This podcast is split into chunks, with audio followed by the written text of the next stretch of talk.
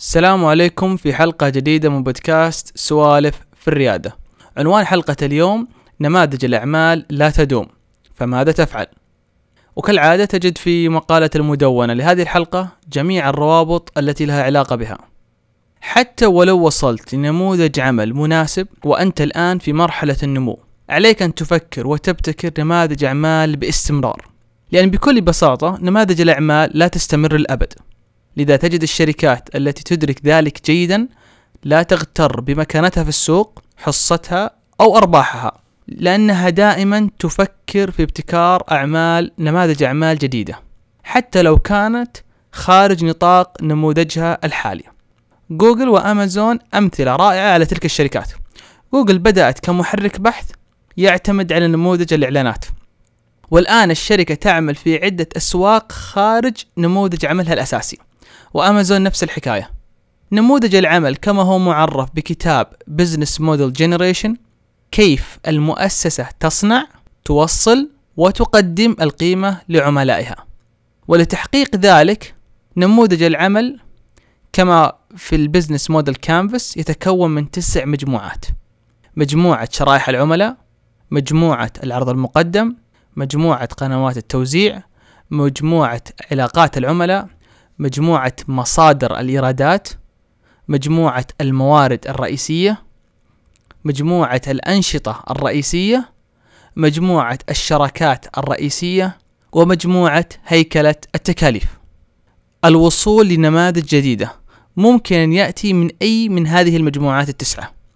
في كتاب Business Model Generation يحدد خمس محاور لهذه البدايات وهي محور الموارد.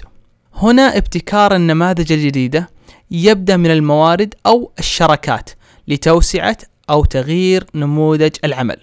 مثال على ذلك خدمة الاستضافة السحابية المقدمة من أمازون.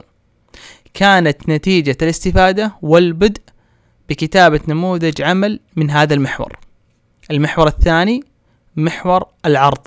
ابتكار عروض جديدة والتي ستؤثر على المجموعات الأخرى. مما ينتج عنها نماذج جديدة. مثال على هذا شركة سيمكس شركة الإسمنت المكسيكية. وعدت بأن توصل الإسمنت في خلال أربع ساعات لموقع العميل بدل الانتظار 48 ساعة. المحور الثالث محور العميل. هنا الابتكار يكون نتيجة تلبية احتياجات جديدة للعملاء. تيسير وصولهم لما يريدون أو زيادة راحتهم. مثال على ذلك خدمة 23 and me والتي وفرت للشخص العادي إمكانية عمل اختبار الحمض النووي الدي إن اي والحصول على نتائجه بسهولة. المحور الرابع المحور المالي. الابتكار يكون نتيجة تحسين أو زيادة إيراداتك اللي هو النموذج الربحي. تخفيض أو إلغاء التكاليف. مثلها مثل غيرها من النماذج. يشمل التغيير هذا تغيير المجموعات الأخرى الباقية. مثال على ذلك شركة زيروكس صنعت أول طابعة عام 1958 وكانت غالية الشراء. لذلك عدلوا النموذج من الشراء إلى التأجير التمويلي اللي هو ليس. المحور الخامس هو محور تعديل عدة مجموعات بنفس الوقت. هنا يحدث الابتكار لنموذج العمل بتغيير عدة مجموعات معا. مثال على ذلك شركة هيلتي المتخصصة بأدوات الإنشاءات. غيرت توجهها من بيع تلك الأدوات لتأجيرها. طبعا هذا القرار نتج عنه تغيير في عدة مجموعات بنفس الوقت والتي تشمل مجموعة العرض المقدم مجموعة شرائح العملاء وأيضا مجموعة مصادر الإيرادات.